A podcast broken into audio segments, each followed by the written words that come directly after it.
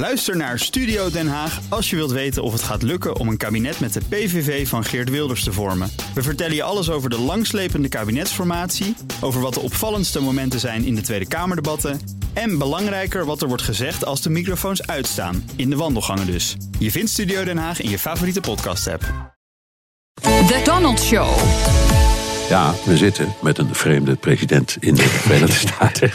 En dus is het weer tijd voor de update over de United States of Trump met Amerika-correspondent Jan Postma. Jan, president Trump begint vol energie aan een nieuw jaar. Ja, hij eh, heeft bijna zijn eenjarig jubileum. Hè. En het lijkt wel alsof hij snel nog een paar dingen wil regelen voordat het één jaar na zijn inauguratie is. Hij weet natuurlijk dat dan alle krantenartikelen, die, dat begint al een beetje, die zijn al aan het, uh, uh, aan het beoordelen eigenlijk hoe dat eerste jaar ging. En hij maakte er weer echt een Donald-show van. dit is bijvoorbeeld aan het begin van zijn eerste, ja, zijn ministerraad, zeg maar, in de cabinet room in het Witte Huis. Welcome back to the studio.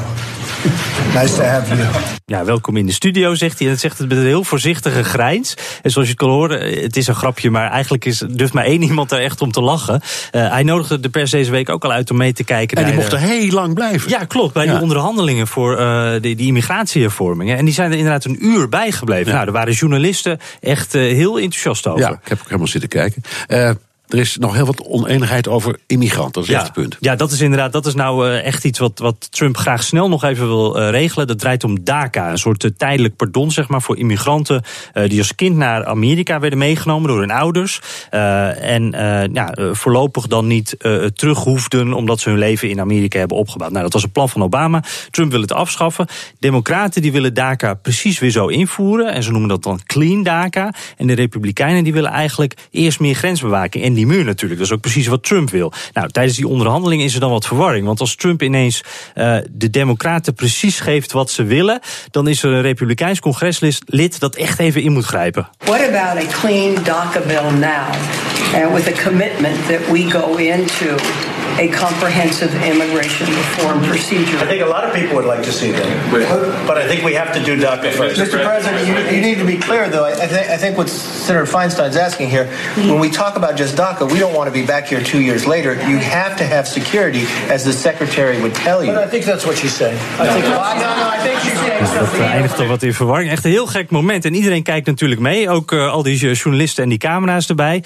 Uh, dat congres, congreslid Kevin McCarthy die moet hem echt even corrigeren. En we weten natuurlijk dat Trump niet altijd tot in detail op de hoogte is van alles uh, wat onderhandeld wordt. maar dit is toch wel een gek moment. Want dit was ook een moment waarop Trump natuurlijk even die meesteronderhandelaar wilde zijn. Hè, die hij altijd pretendeert te zijn, ook in de campagne. En dan hoor je juist dit. Nou, daar wordt natuurlijk ook wat om gelachen. Dit is bijvoorbeeld Trevor Noah van de Daily Show. It looks like McCarthy was gently correcting a stupid kid. You know, it's just like, I want clean DACA. No, Mr. President, you don't want clean DACA. I don't want clean DACA.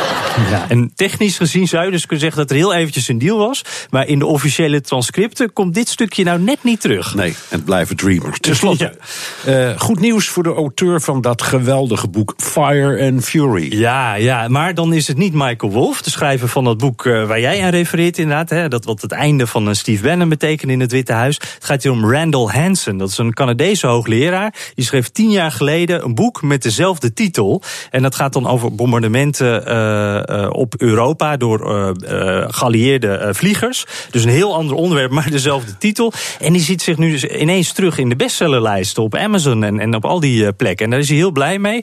Maar hij vraagt zich ook af, zijn mensen nou echt zo dom dat ze die twee boeken door elkaar halen? nou ja dus, hij krijgt zelfs zure reacties op Amazon en op Twitter van mensen die zeggen, ja, hallo, dit boek ga ik dus echt niet lezen, ik voel me bedonderd. maar hij zegt dan ook, ja, dat is natuurlijk niet mijn schuld. ook nog wel opvallend, er was ook een reactie vanuit Noord-Korea op, op wel het echte Fire and Fury, op het boek van Michael Wolff. Een lokale krant daar die analyseert dat dit uh, aangeeft dat de populariteit uh, van Trump snel aan het dalen is. En volgens hen is dit een voorbode voor Trumps politieke val. Dus uh, als dat gebeurt, dan heb je het hier vanuit Noord-Korea voor het eerst gehoord. We hadden de primeur dankzij Amerika-correspondent Jan Bosma. Dankjewel. Bij BNR ben je altijd als eerste op de hoogte van het laatste nieuws. Luister dagelijks live via internet. Bas van Werven. En heel langzaam komt de zon op rond dit tijdstip. Je krijgt inzicht in de dag die komt op BNR, het Binnenhof in Nederland en de rest van de wereld. De Ochtendspits. Voor de beste start van je werkdag. Blijf scherp en mis niets.